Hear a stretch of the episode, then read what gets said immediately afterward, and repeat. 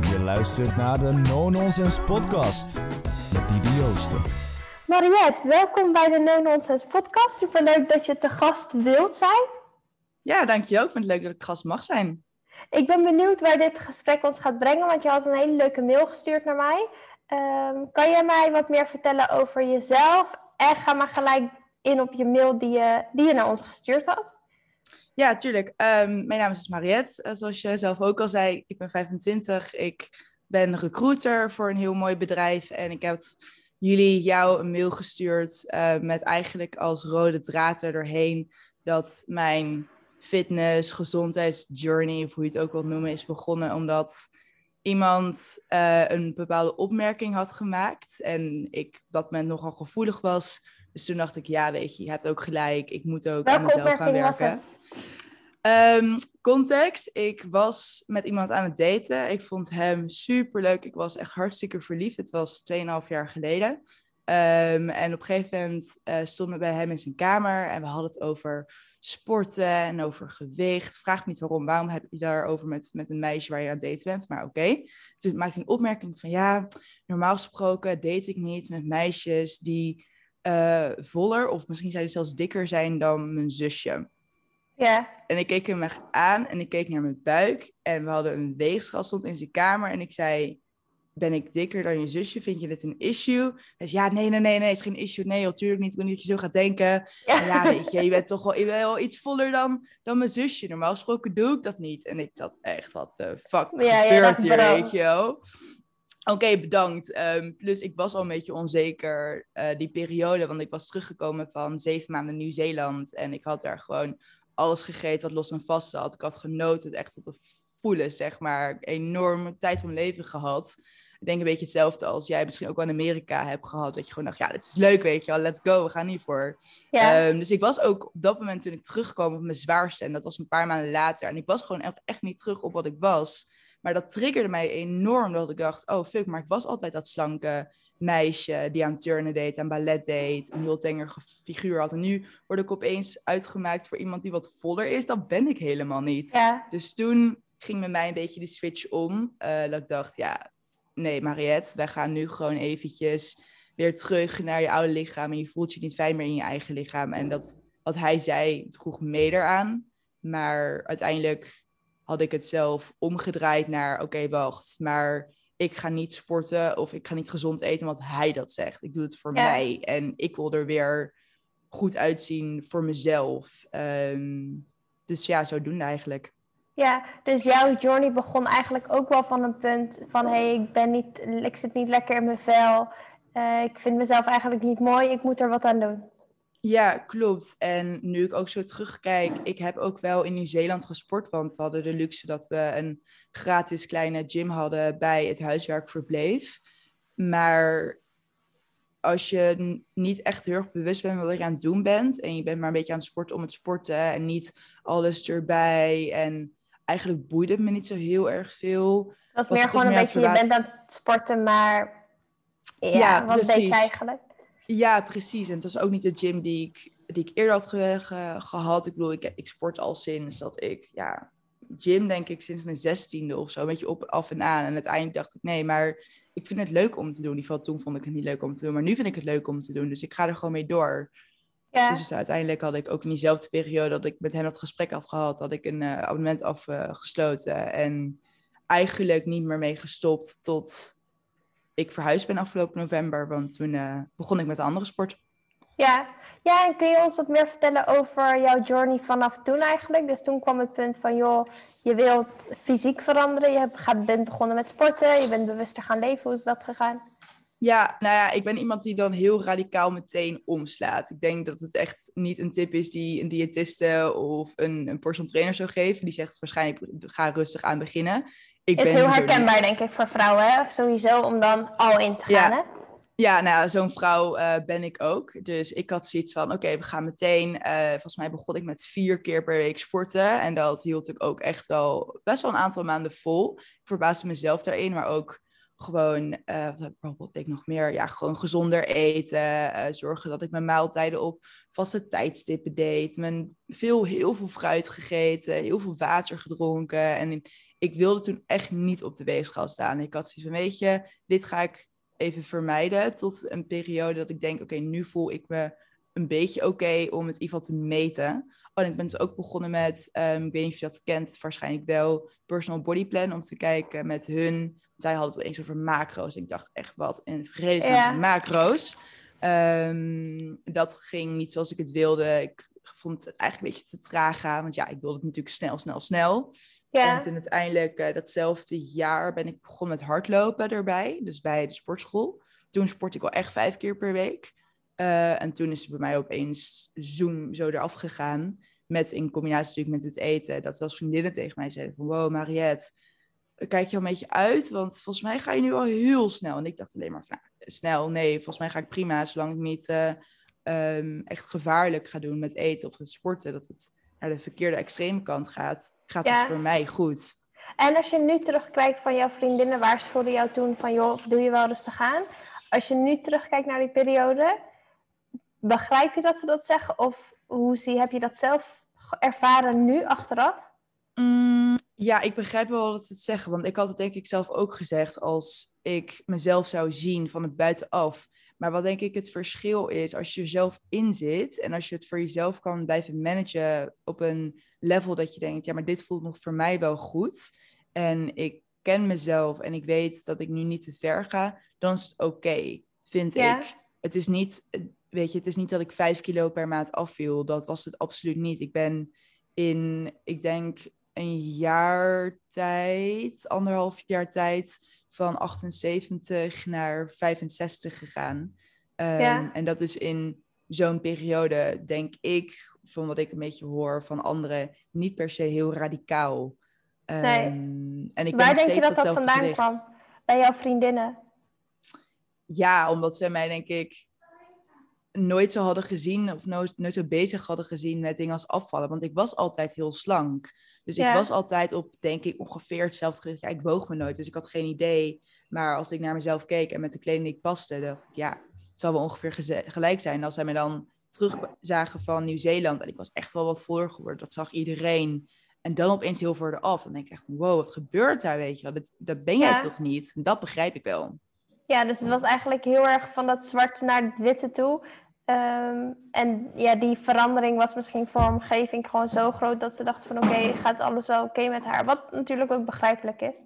Ja, dat is super begrijpelijk. En in die zin uh, ben ik vaak genoeg um, gevoelig geweest voor gewichtsopmerkingen. Ik ben denk ik echt sinds de basisschool was ik al bezig met hoe ik er fysiek uitzag. Um, ik heb modellenwerk gedaan. Ik heb wel eens een opmerking gekregen over mijn benen. Van ja, meisje die uh, toen opkwam, die had toch wel een beetje dikke bovenbenen. Dat je denkt, pardon, je hebt het hier over tieners. Ja, ja ik, ik vind gewichtsopmerkingen vind ik gewoon echt niet kunnen. Um, ik sta er echt heel fier achter. Van, ja, nee. De enige opmerking die dat mag maken ben jezelf. En zelfs jezelf bent niet e-, altijd even lief. Ja, wat is iets wat we daar... Ik vind het ook wel interessant om eventjes nog in te gaan inderdaad op die jongere periode. Uh, want dat zijn toch altijd wel momenten waar het bij veel mensen ontstaat, onzeker of begint onzekerheid, et cetera, wat op latere leeftijd inderdaad. Als we echt op een gegeven moment krijg je dat vrouwelijke lichaam ook meer. Uh, ja. En dan komt het vaak terug. Uh, als je terugkijkt naar die periode in je tienerjaren, wat heeft dat met jou gedaan vandaag de dag of in jouw journey? Oeh, heel veel. Dat kan ik wel zeker weten zeggen. Niet alleen omdat ik modellenwerk heb gedaan, maar ook, ja, wat ik zei, ik was van de basisschool was ik al mee bezig. Wat als je terugkijkt, bizar was. Ik bedoel, hoe oud ben je dan? 8, 9 of zo. En toen was ik mezelf aan het vergelijken met andere meisjes die langer waren dan ik, die een plattere buik hadden dan ik. Um, dat heeft zich doorgetrokken tot mijn middelbare school. En ook studenten, nou, zijn misschien iets minder, maar eigenlijk ook nog wel. Um, dus ik was iemand die altijd al heel onzeker was. Niet per se over de gewicht, want ik zag er gewoon prima goed uit.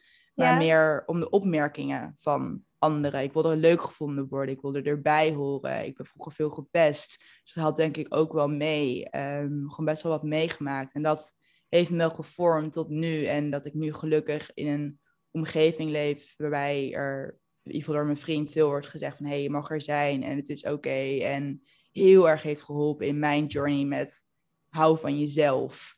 Ja. Dat het punt is dat ik nu denk, oké, ik kan prima voor mezelf lekker even massage boeken en even lekker eruit. Of ik kan naar de spa, ik kan spontaan een vakantie boeken. En ik heb de luxe dat dat kan met het werk wat ik doe. En ik weet zeker dat niet iedereen dat kan, maar ga ook een keertje thuis even lekker weet je, alle gordijnen dicht, kaarsjes aan, uh, muziekje erbij, nagels doen of weet ik veel wat je ook wil doen. Want dat is zo belangrijk. Ja, en wat heb jij gedaan om daar te komen? Want ik kan me voorstellen, kijk, dat is niet iets waar je mee gaat slapen en je wordt wakker en het is anders. dus het is sowieso een lang proces. Maar als we, ik denk dat heel veel vrouwen namelijk, wat je net aangaf, dat ze daar naar streven, dat ze dat heel graag zouden willen doen.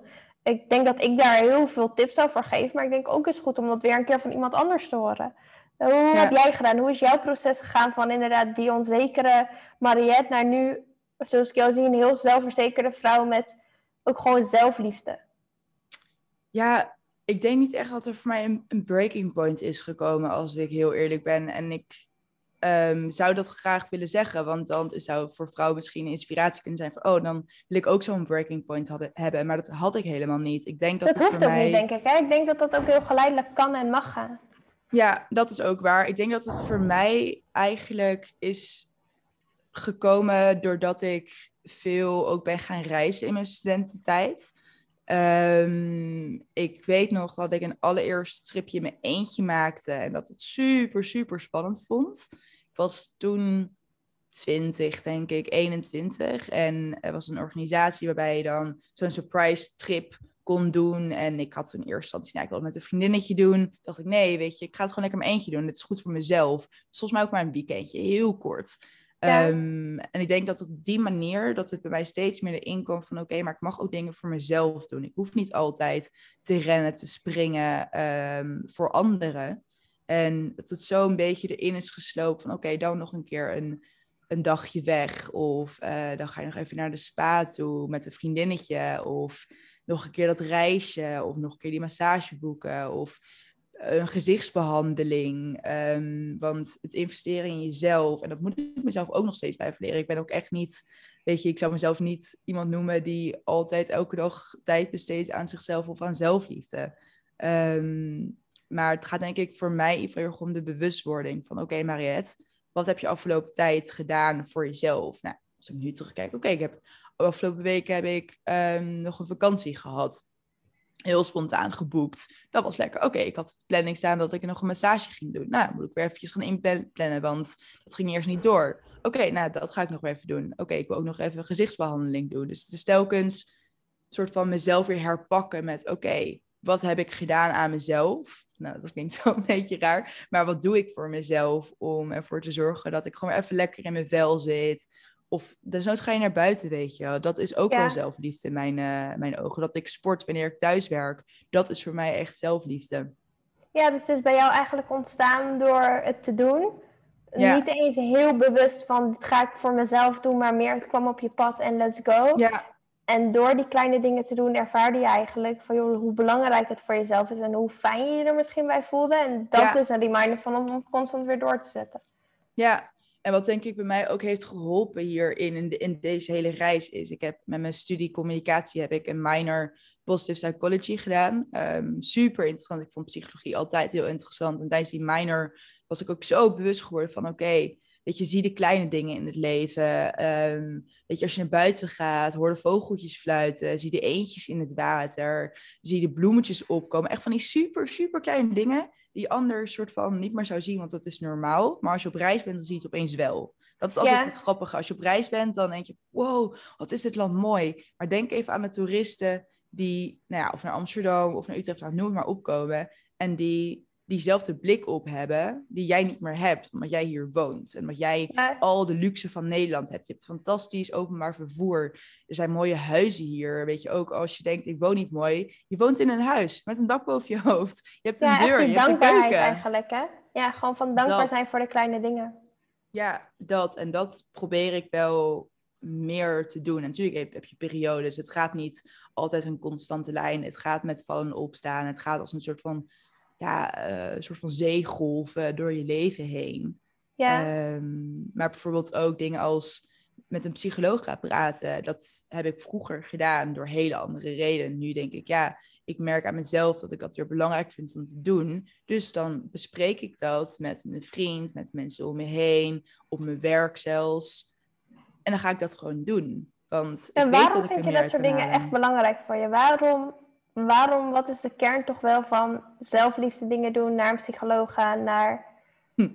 Ja, dat is natuurlijk altijd. Ja, voor mij was dat heel erg dan ook omdat het een keerzijde is geweest in mijn leven. Het was niet altijd leuk. Tuurlijk, voor niemand is het altijd leuk het leven. Voor mij was het zo dat ik op mijn 18e tot mijn, mijn 19e, 20ste, denk ik. Nee, nou, laat zeggen 18, 19, dat ik in een depressie heb gezeten. En echt heel laag punt eh, van mijn leven zat. En daardoor ben ik bij een psycholoog gaan lopen. Daardoor ben ik uiteindelijk bewuster geworden van... oké, het is oké om jezelf te zijn. Je hoeft jezelf niet te veranderen. Je hoeft niet altijd maar voor dingen voor mensen te doen. Mensen kunnen ook dingen voor jou doen. Ehm, en denk ik door dat traject en door mijn depressie op dat moment... ga je dingen ook weer anders zien als je er een soort van uitgaat of uitkomt...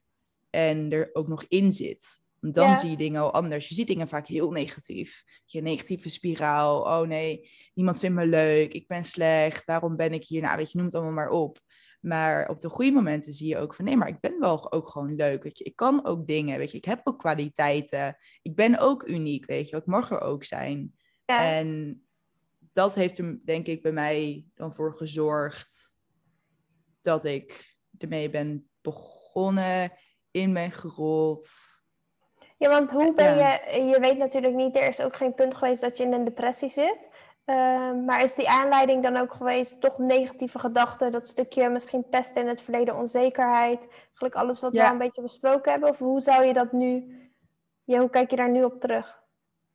Nou, de oorzaak was ja, onder andere eh, zeker die onzekerheid, 100%, maar ook eh, een hele slechte relatie die heel giftig voor me was, waar ik me enorm in liet in meeslepen. Ik verliefd op hem, hij eigenlijk meer mij gebruikte, weet je, gewoon heel ongezond. En Ja. gewoon het, het meisje die super, super onzeker was en lid was geworden bij een studentenvereniging, die je graag overal bij wilde zijn, overal bij wilde horen, leuk gevonden wilde worden ja, dat vreet je op een gegeven moment op. Als je continu het probeert, probeert, probeert en voor je gevoel niet terugkrijgt, wat ik vast wel kreeg, maar dat niet zag.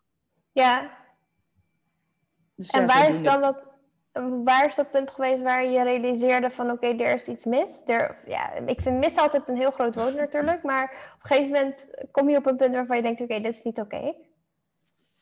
Ehm, ik weet niet eens of ik het echt zelf besefte, in alle eerlijkheid. Eh, ook als ik terugkijk, was ik gewoon echt heel jong en heel naïef vooral. Ehm, in mijn doen en laten, niet per se mijn leeftijd. Ehm, maar meer denk ik omdat mijn omgeving ook echt zag van... oké, het gaat nu echt niet goed met Mariette. Dat mijn vriendinnen zelfs naar mijn ouders gingen van... hey, eh, hebben die haar een beetje in de gaten gehouden? Want het gaat volgens mij niet helemaal lekker met haar. Ja. Mijn vriendinnen hebben toen wel met mij gepraat. En ik weet niet meer precies wat de aanleiding... Oh, waarschijnlijk is mijn ex de aanleiding geweest. Die heeft gezegd, het gaat niet goed met je. Je gaat nu naar een psycholoog. Ja, Toen dacht ik, nou oké, is goed. Ik ga naar een psycholoog toe. Weet je wel, lekker puber, hakken in het zand. ja, precies.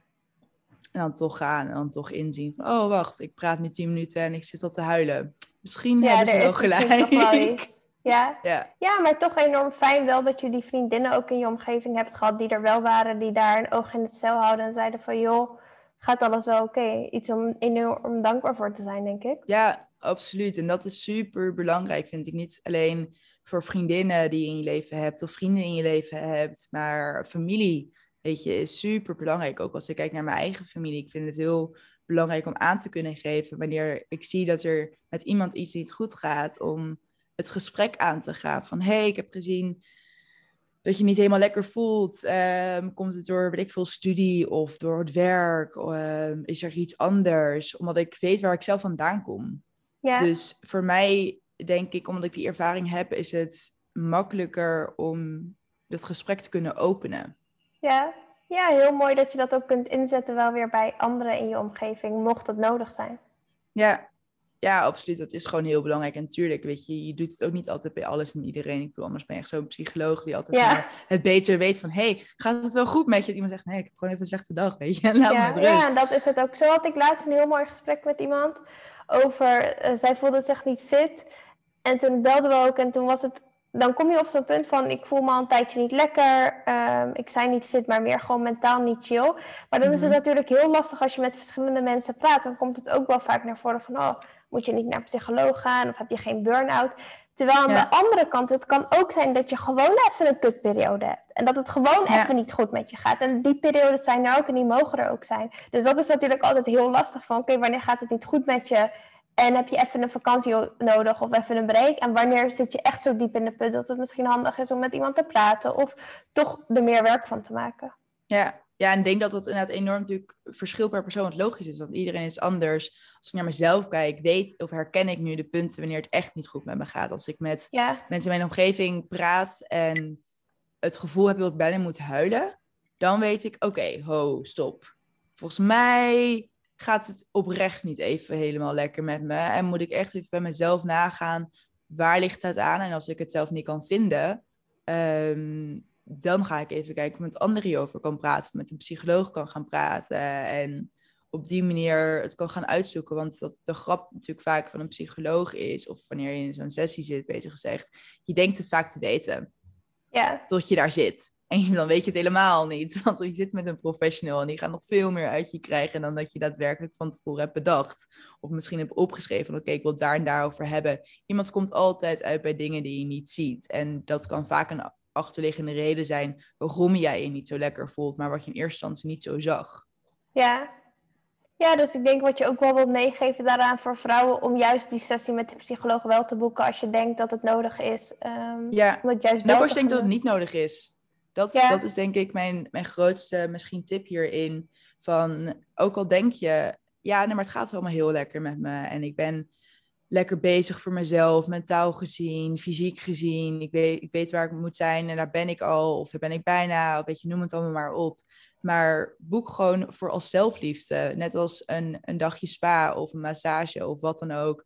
Boek gewoon die psycholoog. Ga lekker met hem of haar praten. En geloof me, er komen echt dingen boven waarbij je in eerste instantie had gedacht: oh, hè, waarom praat ik hierover? Ehm ik vind het eigenlijk wel heel fijn om hierover te praten. Of het nou dingen van het verleden zijn of waar je naartoe wilt.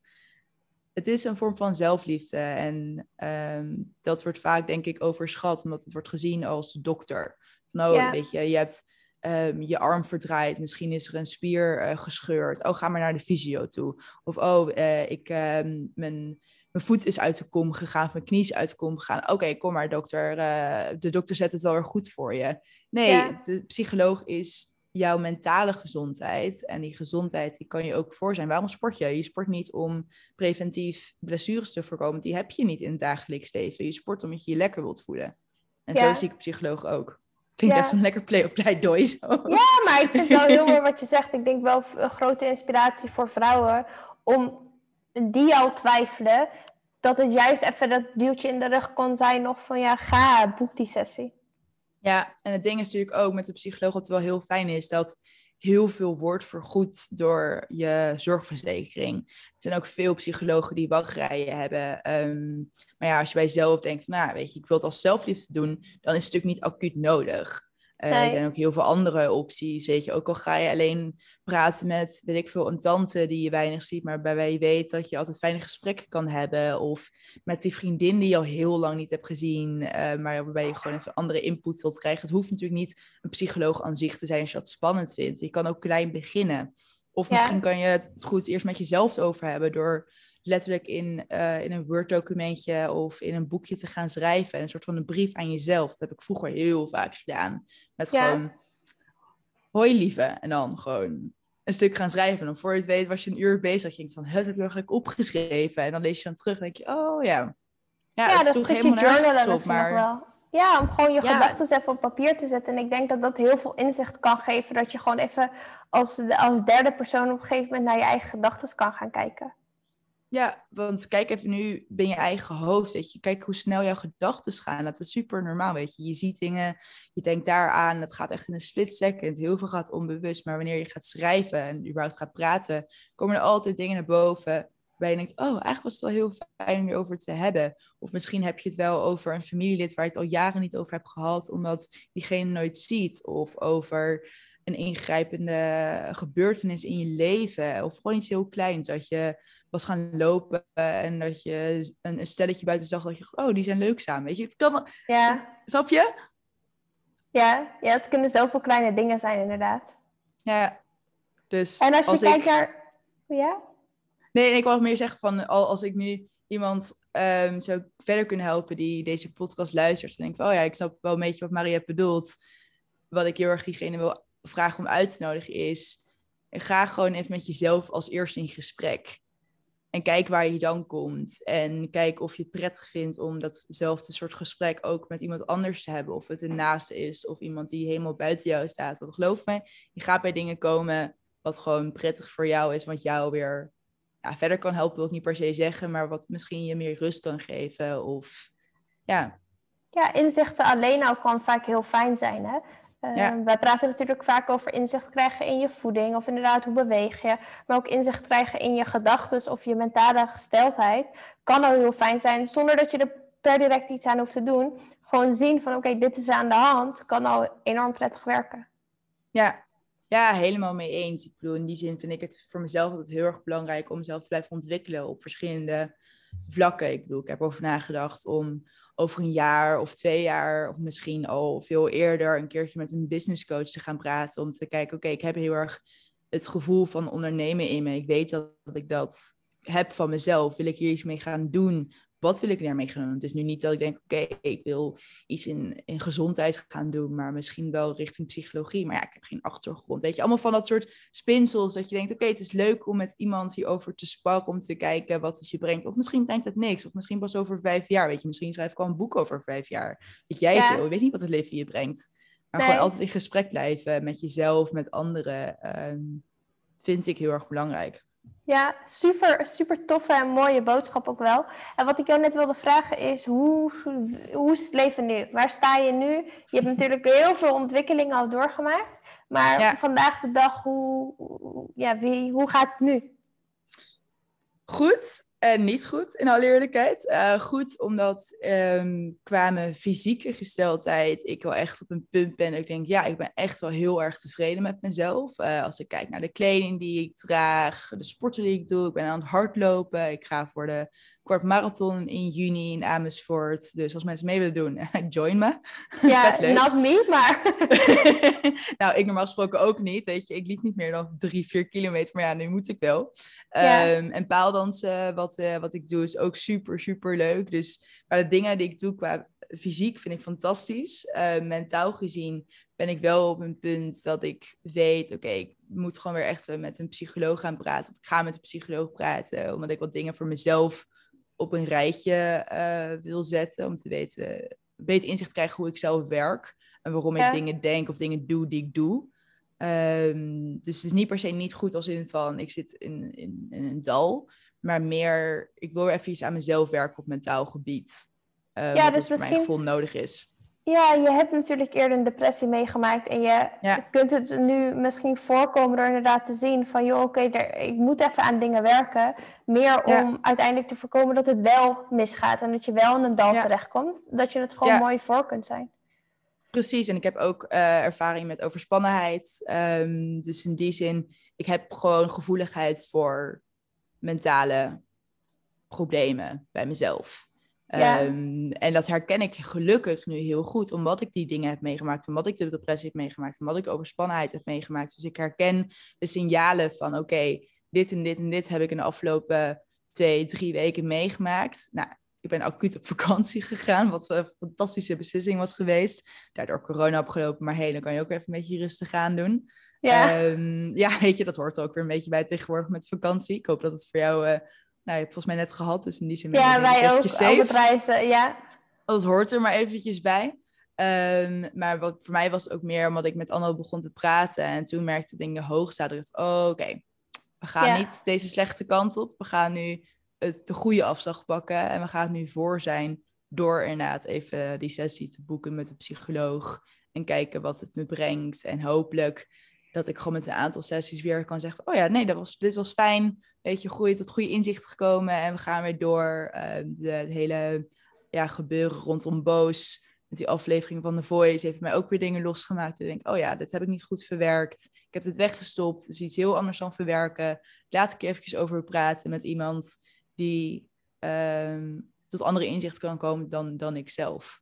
Ja. ja, net zei je heel mooi, als ik andere vrouwen wat zou kunnen meegeven, uh, zou je daar nog wat meer op in kunnen gaan? Als jij, ik vind de vraag altijd heel mooi, als je in een minuut honderdduizend vrouwen kan aanspreken, jouw verhaal, jouw kennis van de wereld, wat zou jij graag willen delen met iedereen? Oeh, wat zou ik graag willen delen? Um, ja, zie zelfliefde niet alleen als ik ga sporten en ik ga gezond leven door goed te eten, maar zie zelfliefde dus ook om in gesprek te gaan met jezelf in gesprek gaan met anderen om zo tot inzichten te komen die je misschien in eerste instantie niet zelf had kunnen zien. Ja. Uh, en daardoor jezelf verder te helpen. Maar inderdaad ook vooral boeklekker die massage, weet je. Wat zijn die paar tientjes nou? Die, die besteed je waarschijnlijk ook aan, aan eten. Of als je een keertje een paar keer naar de Mackie gaat. Of, of wat dan ook. En ga naar die manicure specialist. Of doe die gezichtsbehandeling. Ga nog een keer dat rondje lopen als je denkt... ik wil liever geen geld uitgeven, want ik ben niet in die positie. Weet je, pak desnoods een keertje de trein en stap uit op een station waarbij je denkt, oh, dat ziet er leuk uit. Ik ga even naar buiten. Ja, ja, vooral, en dat geef je dus vooral aan omdat jij ervaren hebt wat voor positieve kracht dat jou kan geven en hoe jouw levenskwaliteit daarop verbetert. Ja, 100 procent. En het is echt niet iets wat je wekelijks of dagelijks moet, en dat wordt er sowieso denk ik ook daar niet goed in, maar uh, hoort te doen. Het gaat denk ik meer om het bewustzijn van oké, in hoeverre zorg ik nu echt voor mezelf en ben ik nu echt gelukkig met de dingen die ik doe in het leven. En kijk dan in hoeverre je dan wel uh, gelukkiger kan worden, want je kan altijd gelukkiger worden.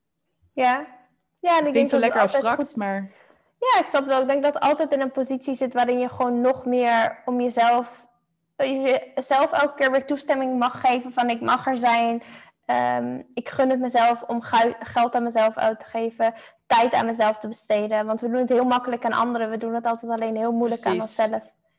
Ja, dat wilde ik inderdaad net toevoegen. Van, weet je, kijk even hoe makkelijk je um, een cadeau geeft aan een vriendin of een vriendin meeneemt uh, om te brunchen of meeneemt naar, uh, weet ik veel, een dagje pretpark, ik zeg maar even iets. Waarom ja. doe je dat niet lekker met jezelf? Kijk, naar een pretpark in je eentje gaan is misschien een klein beetje zijn dat je dat juist met iemand anders wil gillen in die achtbaan. In ieder geval, dat zou ik ja. graag willen. Maar um, wat je geeft aan anderen, kan je ook aan jezelf geven. Ja, nou, vind ik een hele mooie boodschap. Ik wil hem dan ook afsluiten, want ik denk dat je heel veel, heel veel al verteld hebt, heel veel mooie dingen. En ik hoop dat we inderdaad vrouwen, al is het maar eentje, mogen inspireren om of toch die massage te boeken, of helemaal mooi een gesprek met inderdaad of jezelf, of een psycholoog, of iemand die naast je staat. Um, want het heeft jou gewoon zo enorm goed geholpen. Ja, ja, absoluut. Ik bedoel, als ik kijk naar heel veel jaar geleden, dat onzekere, naïeve jonge meisje die toen bij psycholoog zat en de vrouw die ik nu ben, ja, als ik iemand dat nu ook kan meegeven op haar 18e of 17e of misschien zelfs 30, 36, dan zou ik dat heel graag willen doen, want het is gewoon heel erg belangrijk. Ja, nou, als er één iemand inderdaad al mogen bereiken, dan ben ik altijd al uh, tevreden. Dankjewel voor je openheid, openheid en het doen van je verhaal. Ja, geen ehm, probleem. Het is altijd toch leuk van welke kant ga je op. En ik denk, we begonnen heel mooi over gezondheid. Uh, wat uiteindelijk begon inderdaad van waarom doe je wat je doet, depressie, praten met de psycholoog, zelfliefde. Dus ik denk dat de uitkomst heel anders was dan wat ik verwacht had. Maar ik denk wel een hele mooie boodschap. Ja, absoluut. En in die zin, weet je, als mensen in gesprek willen gaan met iemand die ze niet kennen, um, ja, slijt de DM, zou ik zeggen. Ja, wat, waar kunnen ze jou vinden op social media? Uh, Mariette Wijnstra. Um, mijn voornaam en achternaam. Het is in die zin wel gewoon een relatief persoonlijk account. Ik heb er geen slotje verder op. Um, ik heb mijn Insta ook echt niet om mensen veel te laten volgen of wat dan ook. Ik doe het echt gewoon puur om leuke foto's te plaatsen. Uh, maar weet je, oprecht, ik weet hoe erg het kan helpen om met iemand te praten die je niet kent, die helemaal buiten jouw leven staat. Weet je, stuur gewoon lekker een berichtje. En ook al hebben maar een paar berichtjes heen en weer. Als ik jou verder heb kunnen helpen, dan is mijn dag ook gemaakt, weet je. Het gaat ook om mijzelf. Ik vind het ook belangrijk om, ja, weet je, iemand weer een lach op haar gezicht eh, te kunnen geven. Of zijn gezicht, als we mannen luisteren, ook prima. Ja, nou helemaal leuk. Ik zou je Insta-naam ook even in de beschrijving zetten, dat als ze het niet helemaal begrijpen, dat ze hem goed kunnen vinden. Ja. Ehm, en dan wil ik je bedanken voor jouw openheid en voor jouw deelname aan de podcast. En ik Ja, hoop inderdaad dat er mensen jou een berichtje mogen sturen dat ze het verhaal met jou of met iemand anders willen delen als ze ergens mee zitten. Ja, nee, dat eh, zou zeker heel fijn zijn. Ik hoop dat ik er veel vrouwen eh, heb kunnen helpen om eh, wat meer liefde aan zichzelf te kunnen geven. Dankjewel. Geen probleem. Ik kijk uit naar de aankomende afleveringen en ik hoop dat we elkaar heel, heel, heel snel spreken.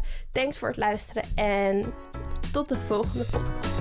Dat was hem alweer. Je hebt de podcast helemaal afgeluisterd. Wil jij de volgende podcast nou iets toevoegen? Stuur een e-mail naar info@nononsenseguides.nl. Wij willen je ontzettend bedanken voor het luisteren. Volg die op Instagram en tot volgende week.